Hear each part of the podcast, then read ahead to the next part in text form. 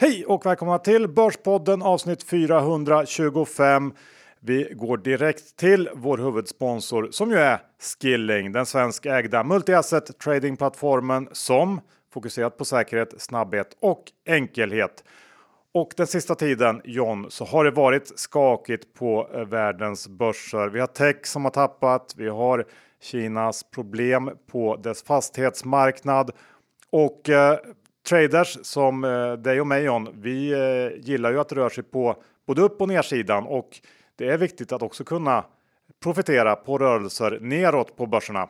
Ja, det är nu namnet eh, Skilling verkligen kommer till sin rätt, för nu gäller det att visa skicklighet på marknaden och eh, då är det väldigt viktigt att också kunna gå kort när du ser svaghet på marknaden. Och där hjälper ju Skilling till genom att eh, ha oändliga möjligheter till aktier att eh, blanka i princip. Det finns eh, över 700 aktier, globala aktier. Det finns 16 olika index. Du kan gå lång kort eh, så att ja, det är inte Skillings fel om du inte lyckas på marknaden just nu. Nej, och CFD trading är ju ett väldigt flexibelt sätt att trada. Det är också en, ett eh, bra sätt att hedga sin eh, vanliga aktieportfölj på och det finns många fördelar med det här. Men kom ihåg 63% av retailkunder förlorar pengar när de handlar CFD så besök screening.com för en fullständig ansvarsfri skrivning och eh, kom ihåg har ni inte öppnat konto än så gör det. Krävs bara ett bank-id. Skilling har svensk kundtjänst som man kan fråga om det är någonting som är oklart. Eh, så att se till att göra det. Bara surfa in på hemsidan eller ladda ner appen och med det så säger vi stort tack till Skilling.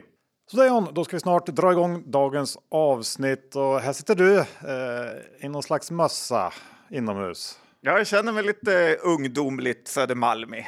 Kan också vara att jag upplevs som Martin Björk, eh, överårig man, vem vet. Men idag ska vi i alla fall prata om eh, potentiella bud på jättebolag. Det kommer vara lite gratis pengar varning och eh, ja, vad har vi mer Johan?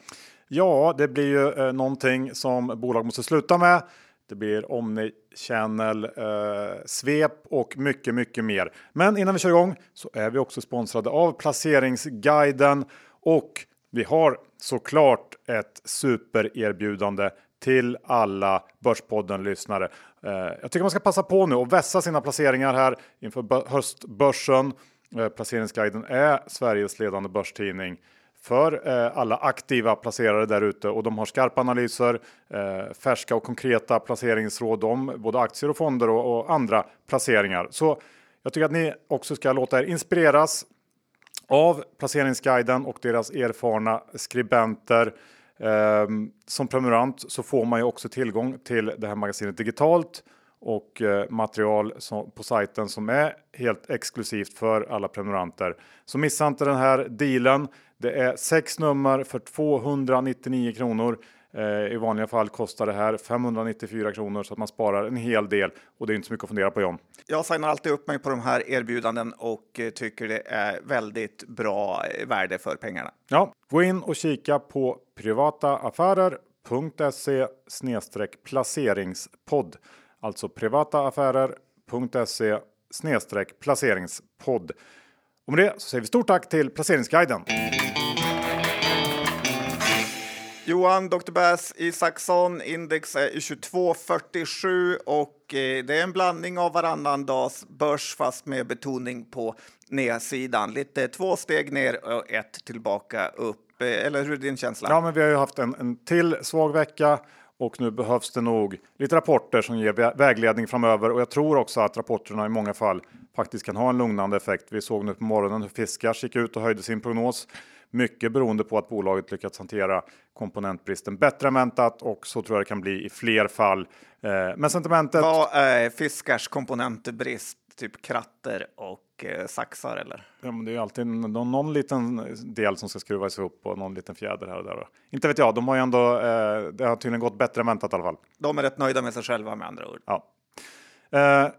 Men annars så, så, styrs ju sentimentet just nu eh, mest av makrofaktorer. Det är stigande räntor, inflationsrädda och, och den här flaskhalsskräcken. Men om vi tittar på index då så har vi från toppen nu till lägsta nivåerna igår tappat knappt 9 och det är ju helt enkelt en, en helt normal och hälsosam rekyl. Um, och vi har också haft en period av tydlig sektorrotation där till exempel tech och tillväxt fått uh, mycket stryk. Och här får man nog säga att mycket av den här nedgången också varit helt befogad. Eh, för om man tar upp charts på till exempel e-handlare eller dataspelstillverkare så hade vi i början av året dragit ut trenden alldeles för långt. Eh, det var som att återöppnandet aldrig skulle komma, men så blev det ju inte och eh, det för mig faktiskt till nästa punkt. Det här med återöppnandet som skedde för några veckor sedan. Det märks, tycker jag, helt klart en tydlig skillnad i butiker och på restauranger på stan efter att de här restriktionerna togs bort för ett par veckor sedan. Eh, och i helgen så var jag på fotbollscup i Linköping eh, med ett av mina barn och trängseln på Scandics frukostbuffé var eh, faktiskt utan dess like. Det var som att pandemin aldrig har existerat och jag tycker att det är en bra påminnelse om hur snabbt eh, vi människor glömmer saker. Jag skulle bli förvånad om inte bolag som är exponerade mot det här återöppnandet ser en, en stark återhämtning nu under hösten. Faktiskt.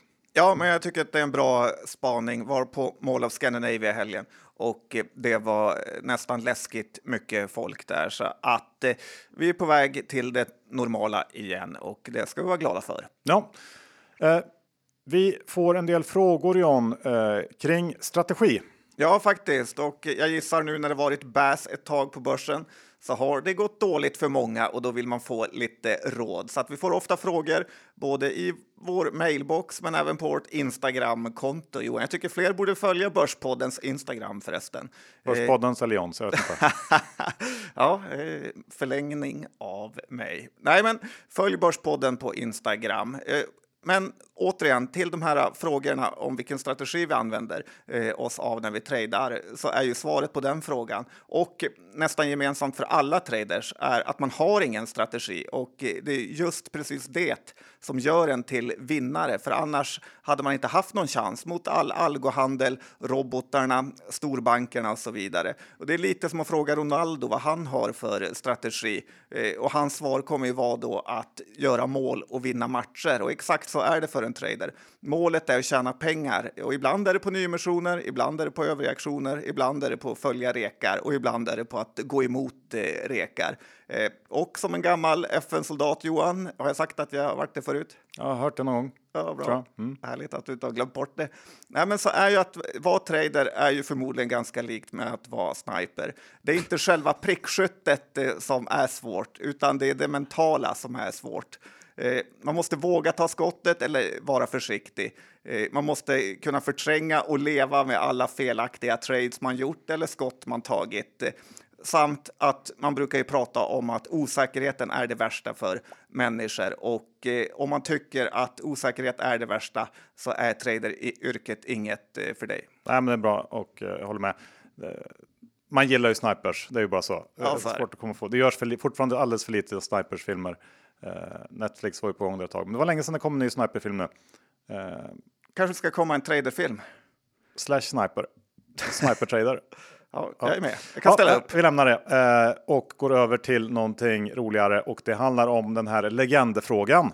För det är alltid någon som ska bli legend under en börscykel. Ja, faktiskt. Och Michael Burry var väl den som blev den största legenden under förra finanskrisen som vågade blanka de här numera kända subprime-lånen. Men vi har, tycker jag faktiskt, inga riktiga aspiranter än för den här epoken av börsen som eh, har gjort eh, något eh, spektakulärt bett, främst då på nedsidan, för det är där ingen annan egentligen vågar gå. Och visst, folk pratar om att nollräntan är farlig och att inflationen kommer och att börsen är för högt värderat. Men vad jag vet så finns det inga monsterbett där ute riktigt. Och jag tror nämligen som fint folk brukar säga, att eh, den som kommer bli en legend den här epoken är den som vågar syna toppen inom kryptovärlden med riktiga pengar. Inte bara snacka om att eh, det är för högt värderat. Och för en liten del i mig tror ändå att vi kommer få se en våldsam krasch inom krypto, eh, även om jag själv är lång lite grann. Och eh, just nu finns det väl egentligen ingen som är kort krypto, utan den generella inställningen är att det här är framtiden. Ja, det kan du ha poäng i, absolut. Ehm, det är ju en svår sektor att korta eftersom det rör sig så oerhört mycket så att man kan ju förlora fantastiskt mycket pengar eh, på att göra det. Eh, så det avskräcker nog en del. Men visst, det är mycket möjligt eh, att det blir så. Det brukar ju krascha från tid till annan. Ehm, jag eh, tänkte gå tillbaks eh, till det här med vad som hände förra året, pandemiåret. Det gjorde ju som bekant att folk la sig till med nya vanor. Och det gäller ju faktiskt även bolag. En sån sak, John, det var att gå ut med lägesuppdateringar och vinstvarningar eller omvända vinstvarningar lite mer frekvent än normalt eh, och givet den stora eh, osäkerheten. Då så var väl det rätt tycker jag. Marknaden behövde mer guidning än normalt, men det var då. Precis som att restriktionerna har lyfts för dig och mig John, så bör bolagen nu också gå tillbaks till det normala. Men jag har faktiskt hittat ett bolag här som fastnat i någon slags snedspinn när det gäller eh, det här och det är det lilla Göteborgsbaserade autotechbolaget Diadrom. De känner du till? Ja, faktiskt. Mm. Eh, för eh, jag gjorde en liten koll för att se hur många kvartal i rad som Diadrom har gått ut med vinstvarning eller omvänd vinstvarning. Eh, har du någon gissning? Nej, men jag gissar att det är några stycken nu när du tar upp det. Fyra gissar jag på då. Ja, rätt svar faktiskt åtta kvartal. Två år. Åtta, åtta kvartal i rad har Diadrom känt sig tvingad då att gå ut med eh, vinstvarningar. Och det började då inför Q4 2019 och sedan dess så har det fortsatt eh, vinstvarningar varje kvartal senast förra veckan. Eh, och först då var det fyra vanliga vinstvarningar i rad eh, och sen de senaste fyra kvartalen så har det varit omvända vinstvarningar. Och Diadrom verkar ha tolkat det här som att man måste vinstvarna så fort resultatet avviker lite grann från föregående år. Eh, för det här börjar med ett svagt fjärde kvartal 2019, sen så kom pandemin eh, och tre svaga kvartal till och efter det så har ju ja, de flesta bolag eh, sett en återhämtning och det har ju Diadrom också gjort och under eh, fyra kvartal har de eh, känt sig tvingade att göra omvända vinstvarningar. Men det är ett ganska rimligt händelseförlopp. Det är någonting som man kanske ja, skulle kunna förutspått eh, utan vinstvarningarna. Och dessutom så har det här resultatet hovrat mellan eh, minus 2 och plus 2 miljoner i alla de här åtta kvartalen så att det är inte ens särskilt stora svängningar. så jag vill bara skicka en liten hälsning till gänget på Diadrom och säga att det här måste ni faktiskt sluta med nu.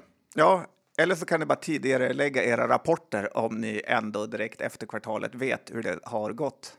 Ja, eh, bra, då var det sagt och eh, vi kan gå över till någonting annat som det snackas ganska mycket om nu och det är ju oljepriset. Det höga, höga oljepriset. Ja, men det finns något positivt med det också tycker jag. Och eh, det absolut bästa med att oljepriset har gått upp är att eh, shakerna nu börjar göra massa galna saker igen.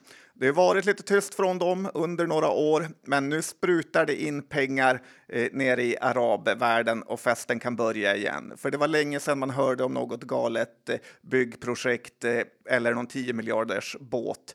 Men nu så köpte Saudiarabiens kronprins nyligen min favoritklubb Newcastle United för över 3 miljarder kronor och nu går man från att eh, värva spelare som typ Emil Kraft till att vara sugna på Mbappé.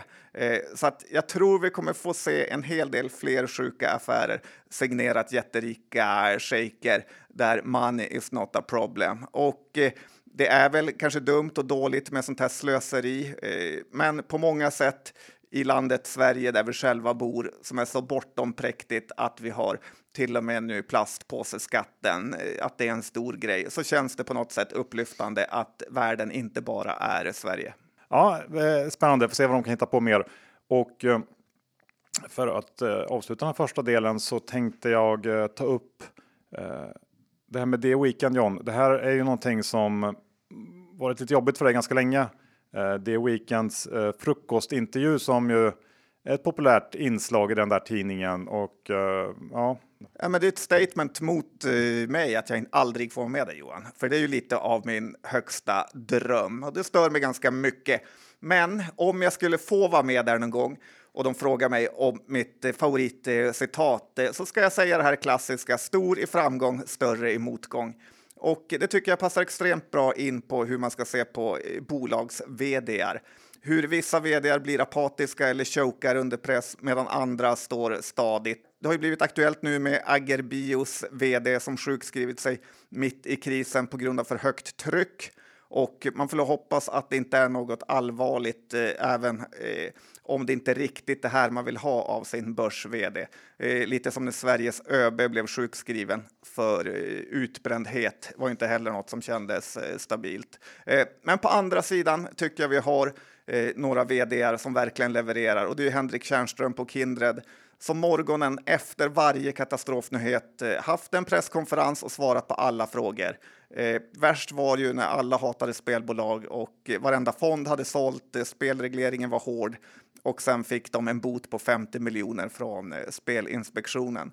Eh, aktien rasade varje dag och var nere på låga 20, men ändå stod eh, Tjärnström där och gjorde sitt yttersta för att förklara hur det låg till. Eh, och ett annat sånt här legendariskt moment, eh, stor i motgång, eh, är ju när Ola Rolén höll sin rapportpresentation från EBMs häkte utan darr på rösten.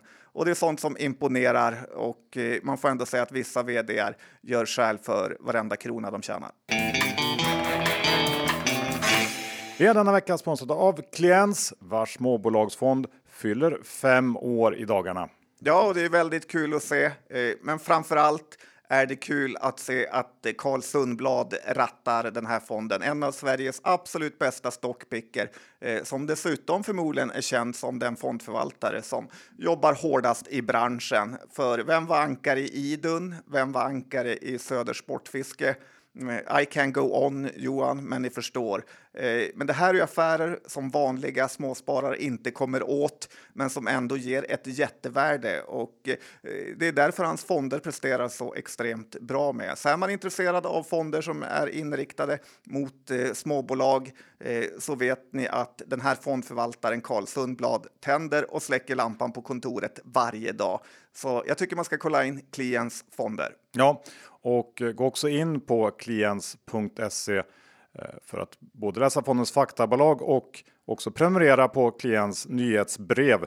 Dessutom Glöm inte att historisk avkastning inte är en garanti för framtida avkastning. Pengar som placeras i fonden kan både öka och minska värde och det är inte säkert att få tillbaka hela det insatta kapitalet. Med det säger vi stort tack till Kliens.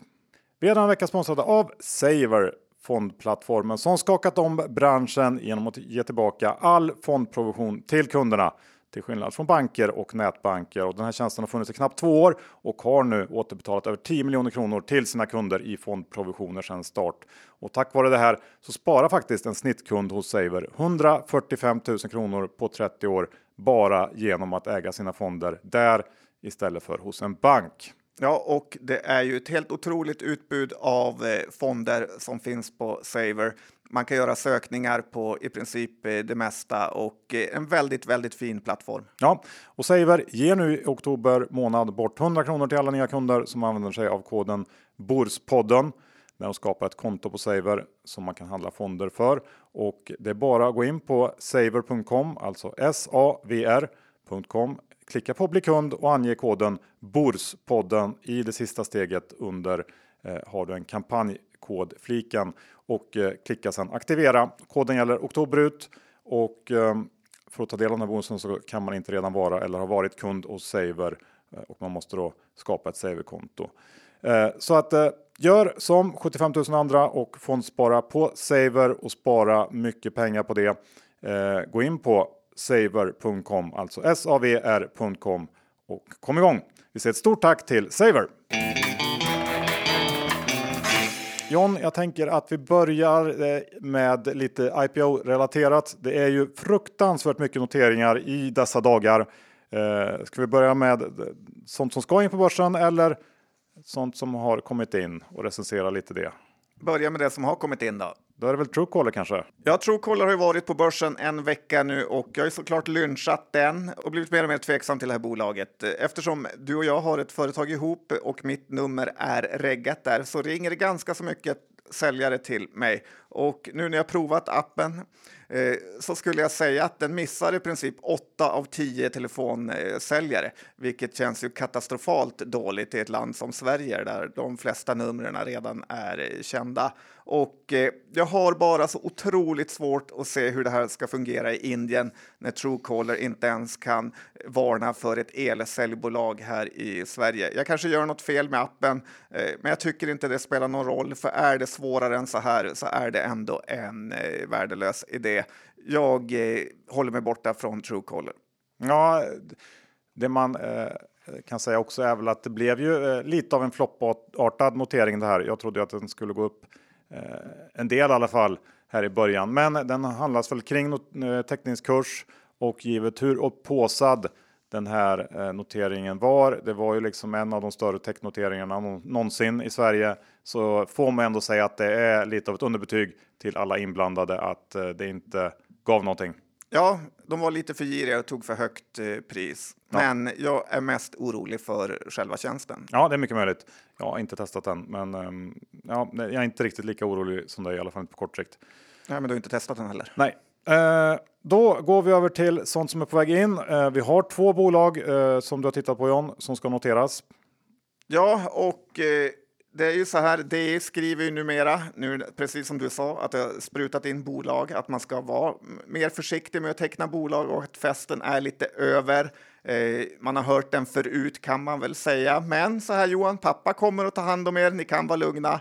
Så efter förra veckans Truecaller-fadäs eh, så måste jag, har jag letat upp nu två case här för att betala tillbaka till lyssnarna.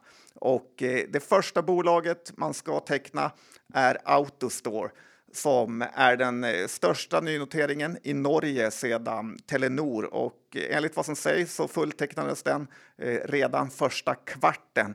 Billigt är det inte kan man ju lugnt säga för ett bolag då som har eh, 100 miljarder i värdering och intäkter på 3 miljarder. Men det är EQT, det är Softbank och det är Fidelity som är med här.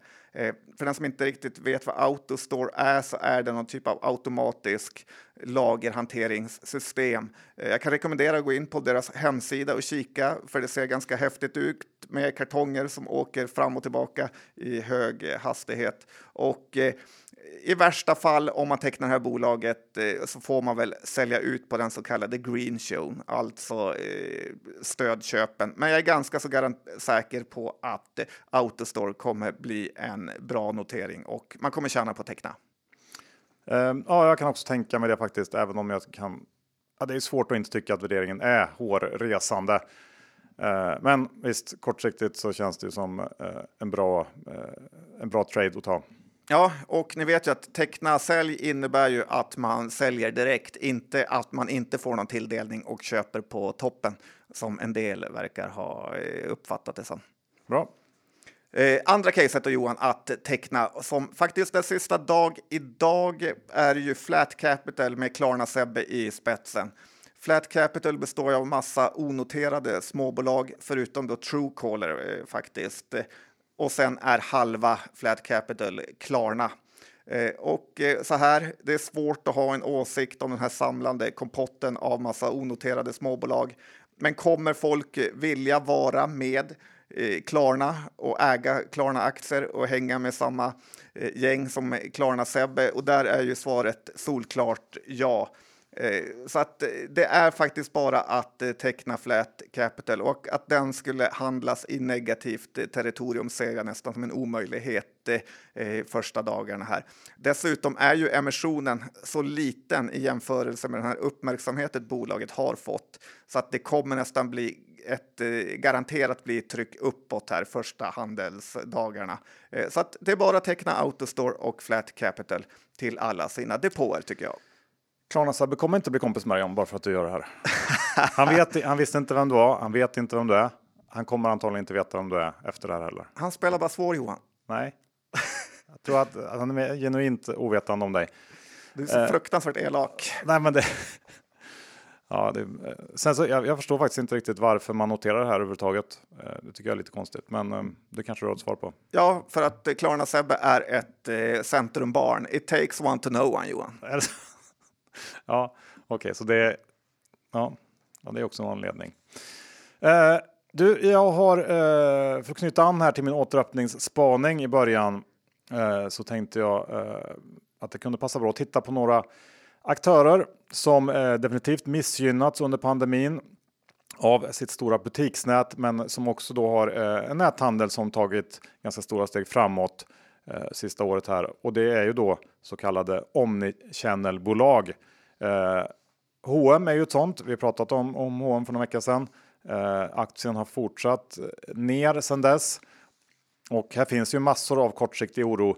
Eh, det är stigande bomulls och fraktpriser, men om man orkar se igenom det så tror jag nog ändå att att H&M hör till de bolag som ligger bäst positionerade för revansch med ett stort butiksnät redo för återhämtning och eh, dessutom då en rejält förbättrad online-del som faktiskt tog marknadsandelar av eh, renodlade e-handelsaktörer under pandemin. Så det här har vi en, en sån här återöppnings omnichannel eh, vinnare som jag tycker ser, eh, som jag sagt här innan, eh, bra positionerad ut. Ja, jag håller med dig till 100 procent och jag fick faktiskt en känsla Johan att det är nu det kommer hända. Vet du vad jag syftar på? Jag kan gissa, men ja, du, ja.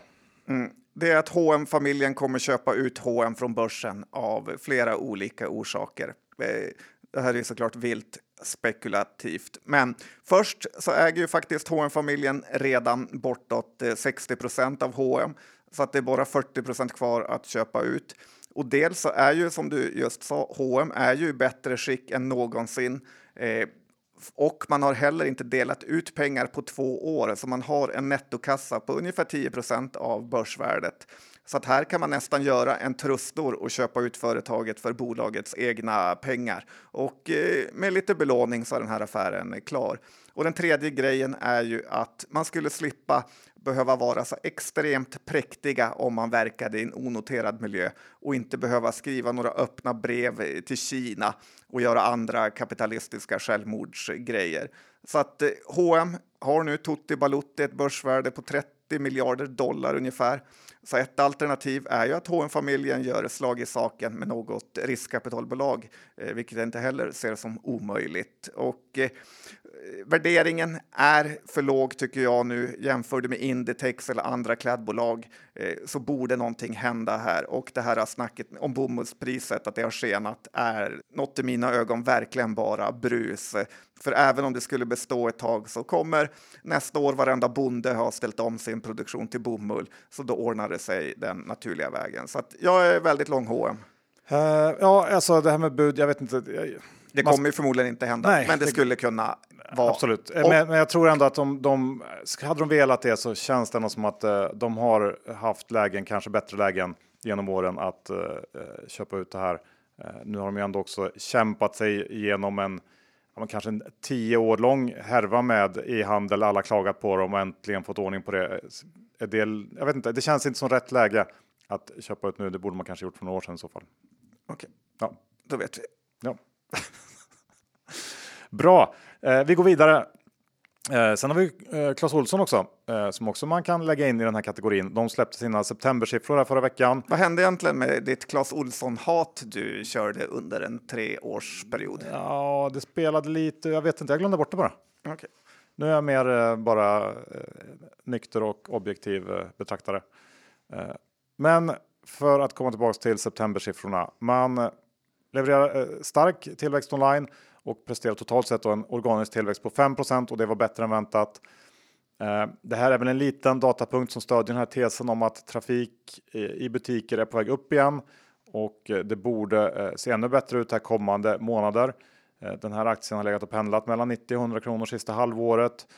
Just nu är det ju samma oro här som för andra retail-aktörer att man inte ska kunna fylla på med varor i den takt som krävs och det har väl lagt lite locket på aktien sista tiden tror jag.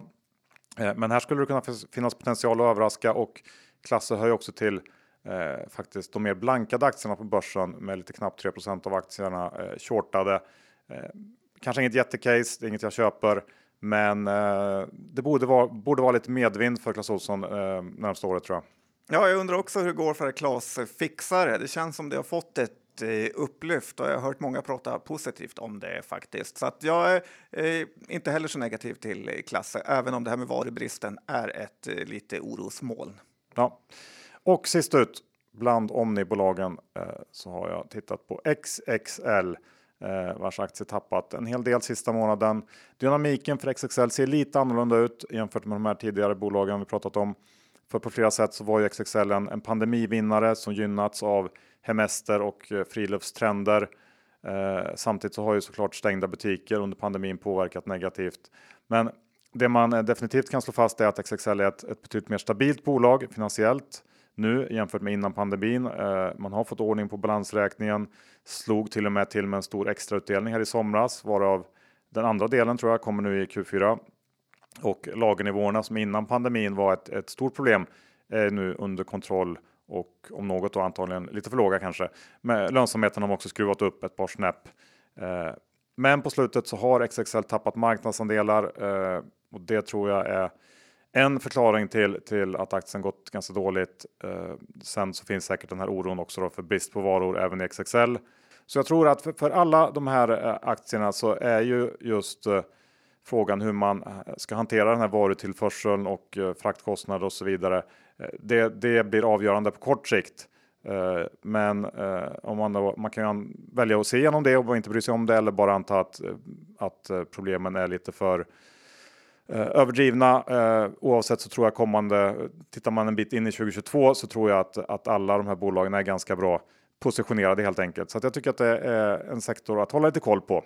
Ja, lite oroad också för varubristen för XXL. Jag var där i helgen och det var hyfsat tomt på eh, sina ställen så att det kommer nog bli ett problem.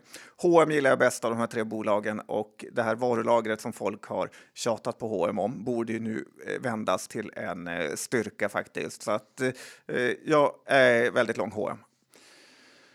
Bra, vi går vidare till den stora plastbristen.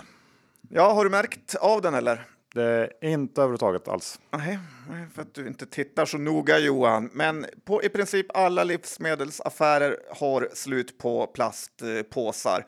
Jag vet inte vad det beror på, men så här har det varit under en ganska lång period nu och eh, ja, säkert över en månad eller så. Jag är lite fundersam på hur det kan komma att drabba eh, plastbolagen i Sverige som då är Trelleborg och eh, Hexpool. Eh, du smilar lite Johan. Det kanske är en svajig koppling att eh, påsbristen på Ica i Bromma ska drabba Trelleborgs eh, traktordäckstillverkning. Men samtidigt brukar... Den är svajig, ja. ja, men samtidigt brukar man ju säga att ett fjärilsvingslag i Japan kan orsaka ja, en så. orkan i USA eller något liknande. Eh, det är något läskigt med att det inte finns eh, plastpåsar att eh, köpa, Johan. Sen kan det också vara som den här. Det är många brister du har sett som sen inte riktigt. Jag vet inte att det är mer i din lilla mikrovardag eh, som de här bristerna uppkommer. Jag är uppmärksam Johan. Mm. Ja. Ja, ja, men vi skriver upp det i alla fall på listan över saker att oroa sig för. Jag skyll inte på mig sen när det kommer att bli en katastrof. Det ska jag absolut inte göra. Jag tänkte kort eh, ta upp Dustin också, för det är ju lite intressant nu inför rapporterna. Dustin rapporterade ju förra veckan, eh, kommer sin Q4 och alla vill ju ha ledtrådar inför rapportperioden och eh, tycker också ändå att det var intressant att se eh, vilken eh, kanonrapport som Dustin kom med, får man ju säga. Eh, betydligt bättre än väntat på alla rader och eh, även om då komponentbrist påverkat negativt så har det uppenbarligen gått att hantera utan några större problem. Eh, växer på fint och i alla fall till, till delar kan man förklara med en andra inköpsvåg eh, av prylar till eh, hemmakontor eh, för att jobba några dagar i veckan hemma. Det är väl en förändring som är för att stanna känns det som och det kommer ju såklart fortsatt att gynna Dustin. Ehm, men, men just det här faktumet att Dustin som bör befinna sig mitt i komponentbriststormen ändå klarat sig så bra. Det tycker jag eh, båda gott inför många andra rapporter eh, och stark orderingång och inga konstigheter i utsikten eller, eller ja, inga problem överhuvudtaget helt enkelt. Så en fin rapport och eh, jag tar med mig det som ett positivt tecken in i eh, Q3 rapportperioden. Ja, och att Dustins varulager ökade var också intressant. Att de kanske har köpt på sig inför en kommande eh, varubrist. Eh, eh, så att nej, Dustin gjorde det bra. Man har också hört det tjatet om att Amazon ska slå ut dem när de kom till Sverige. Det verkar inte heller ha hänt, utan Dustin verkar bara vara ett bra bolag. Ja, men jag börjar nästan undra om det här, har blivit, det här med varubrist är någonting som skrivits mycket om i media, att man har förstorat upp det eh, något makalöst helt enkelt. Eller att det är stora saker som typ Clas Olsson eh, och Excel Sport säljer som är, har svårare att komma med skeppen. Fast eh, Clas Olsson säljer inte så stora grejer. Ja, men det är fläktar och det är element och gräsklippar. Och en stor tv som Dustin kör, säljer. Mm, den är smal Johan, kan du packa på sidledes. Ja. Jag känner att vi gräver inte djupare i det här. Um, vi går istället över till eh, bolag som står emot. För det kan det ju vara, eller i alla fall ha varit bra att ha ägt under sista månaderna. Ja, och det är faktiskt på tal om strategier som vi pratade om innan här, men en av de bästa strategierna man kan använda sig av i nedgångar är inte att köpa de bolagen som har fallit mest, utan köpa de som har fallit minst för att de håller emot så bra. Att det finns ett eh, dolt tryck av köpare och ett sådant bolag är faktiskt Balder eh, som sista tiden stått emot det här raset väldigt fint och dessutom fått en del höjda riktkurser. Nu lägger man här idag var det ett budpliktsbud på norska Entra på 202 kronor och jag tycker återigen det visar vilken snabbfotad och eh, smart finansman Erik Selin är. Det känns som man nästan alltid ligger steget eh, före och jag tror man ska passa på att köpa lite Balder-aktier här. För orkar den stå emot den här nedgången så kan det väldigt fort vända uppåt eh, när börsen också gör det och då står aktien över 600 kronor igen.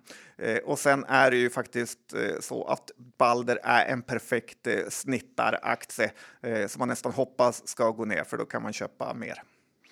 Ja, eh, har du något mer på den här listan? Av? Eh, bolag som står emot. Ja, det har jag väl inte, utan jag har några bolag som har fallit rätt ordentligt, men som jag också tycker är intressanta. På tal om att vara flexibel i sin strategi. Ja, men då tar vi dem då. Sån är jag. Eh, men det är faktiskt Bahnhof här som jag köpt i dagarna som fallit från 45 till 35 kronors nivån eh, i en business som den Bahnhof har som väldigt är ändå i en business som ändå är väldigt stabil som den Bahnhof driver, ett infrastrukturbolag numera. Eh, men tanken bakom traden eh, som jag tänkte hålla till rapport här eller till efterrapport är att man under pandemin lyckats locka in en hel del nya kunder och kunnat sälja mer tjänster som högre hastighet och så vidare eftersom folk har jobbat eh, hemma. Men att eh, man har fått göra det som de flesta med andra som säljer saker, gjort det med erbjudanden Eh, och att det alltid kostar med sån här så kallad nykundsförsäljning. Man måste betala till olika mellanhänder och så vidare, tre månader gratis. Men nu tänker folk att eh, Bahnhof har varit en sån här coronavinnare och eh, då säljer man ner den på börsen så kan det istället vara så att det är nu vinsterna börjar ticka in och det är då man ska köpa. Eh, jag kan ha rätt, jag kan ha fel, men vi får se på rapportdagen. Ja, men det är väl eh, inte omöjligt. Sen kanske jag inte ser någon jättesid uppsida i Bahnhof, men eh, det är ändå en stabil aktie. Ja, men det ska bli kul att se om min, eh, mitt tänk stämmer eller inte. Ja. Eh, ett annat aktie här som jag tycker också är spännande och det är ju IAR eh, eftersom den här aktien har ju gått så katastrofalt dåligt sista tiden på eh, börsen. IAR säljer licenser till programmerare för att programmera mikrochip.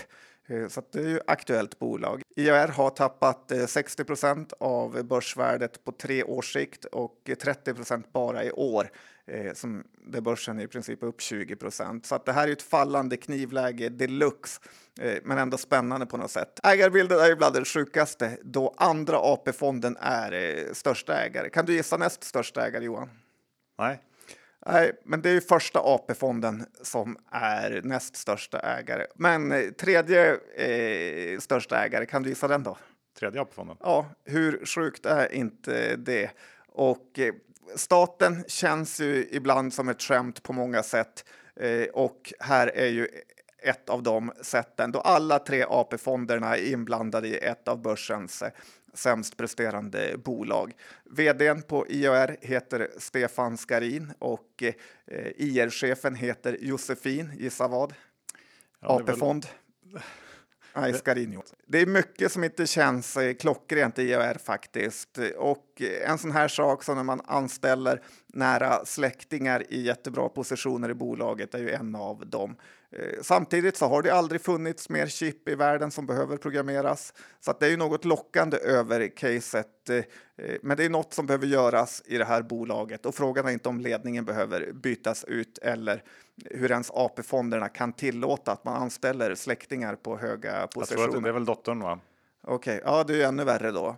Och eh, det blir ju på något sätt det här känslan av att statliga bolag är de mest korrupta. Det är i och för sig kanske inget nytt men hade bolaget gått bra så hade det varit eh, svårare att klaga. Men när det går så här katastrofalt eh, så kan man ju undra vad pensionspengarna egentligen används till. Ja, jag, jag kan ju hålla med om att det finns ju någonting som kittlar i IAR. Eh, samtidigt, det, det kanske sämsta med allting är väl att det, vi aldrig haft mer sådana här mikrochip i våra prylar som vi har runt omkring oss. Efterfrågan måste ju vara på ja, men den högsta någonsin och samtidigt så går det uselt för det här bolaget. Så det är någonting som är, är riktigt, riktigt fel eh, och det gillar jag inte. Eh, men eh, ja, det, som sagt, det är möjligt att de kan produktutveckla sig vidare och börja växa igen och det är väl det man får hoppas på om man köper aktier i IAR. Ja, nej, men det lockande är som sagt den extremt stora nedgången. Mycket positivt borde kunna hända efter allt negativt. Ja, vi avslutar dagen med Storytel, John, som haft det tufft på slutet, tappat rejält sen EQT gick in för bara en månad sedan. Eh, och förra veckan så släppte eh, Storytel siffror kring utvecklingen under Q3 och det totala antalet betalande abonnenter det låg i linje med prognosen men eh, en lite svagare utveckling i Norden där ARPUN är betydligt högre än utanför Norden. Det bidrog till att, att Storytel missade marginellt när det gäller streamingintäkterna i kvartalet och nu så behövs det ett rekordstarkt Q4 för att det här bolaget ska kunna nå sin helårsguidning. Eh, jag gissar att marknaden är lite rädd för att de inte kommer att eh, nå den och det här är en aktie som är svårvärderad får man säga. Eh, bolaget växer snabbt men förlorar också massor av pengar och när det börjar hacka lite i tillväxtmaskineriet, vilket det gjort i år, då straffas aktien hårt.